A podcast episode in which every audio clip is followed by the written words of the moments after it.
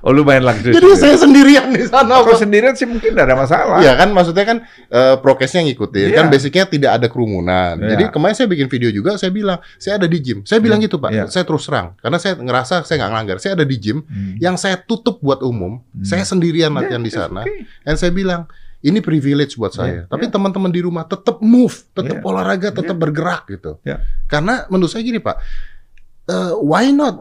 Ah, ini pemerintah juga kayaknya harus gini nggak sih pak? Pemerintah tuh harus mengkampanyekan sehat dari dalam Iya. gitu. Ini yang menurut saya kurang pak. Ya, menurut saya betul yang dibilang tadi Dedi itu. Mesti dari kita. Saya tiap hari, umur saya 74 ini, tiap hari Ah. saya treadmill itu.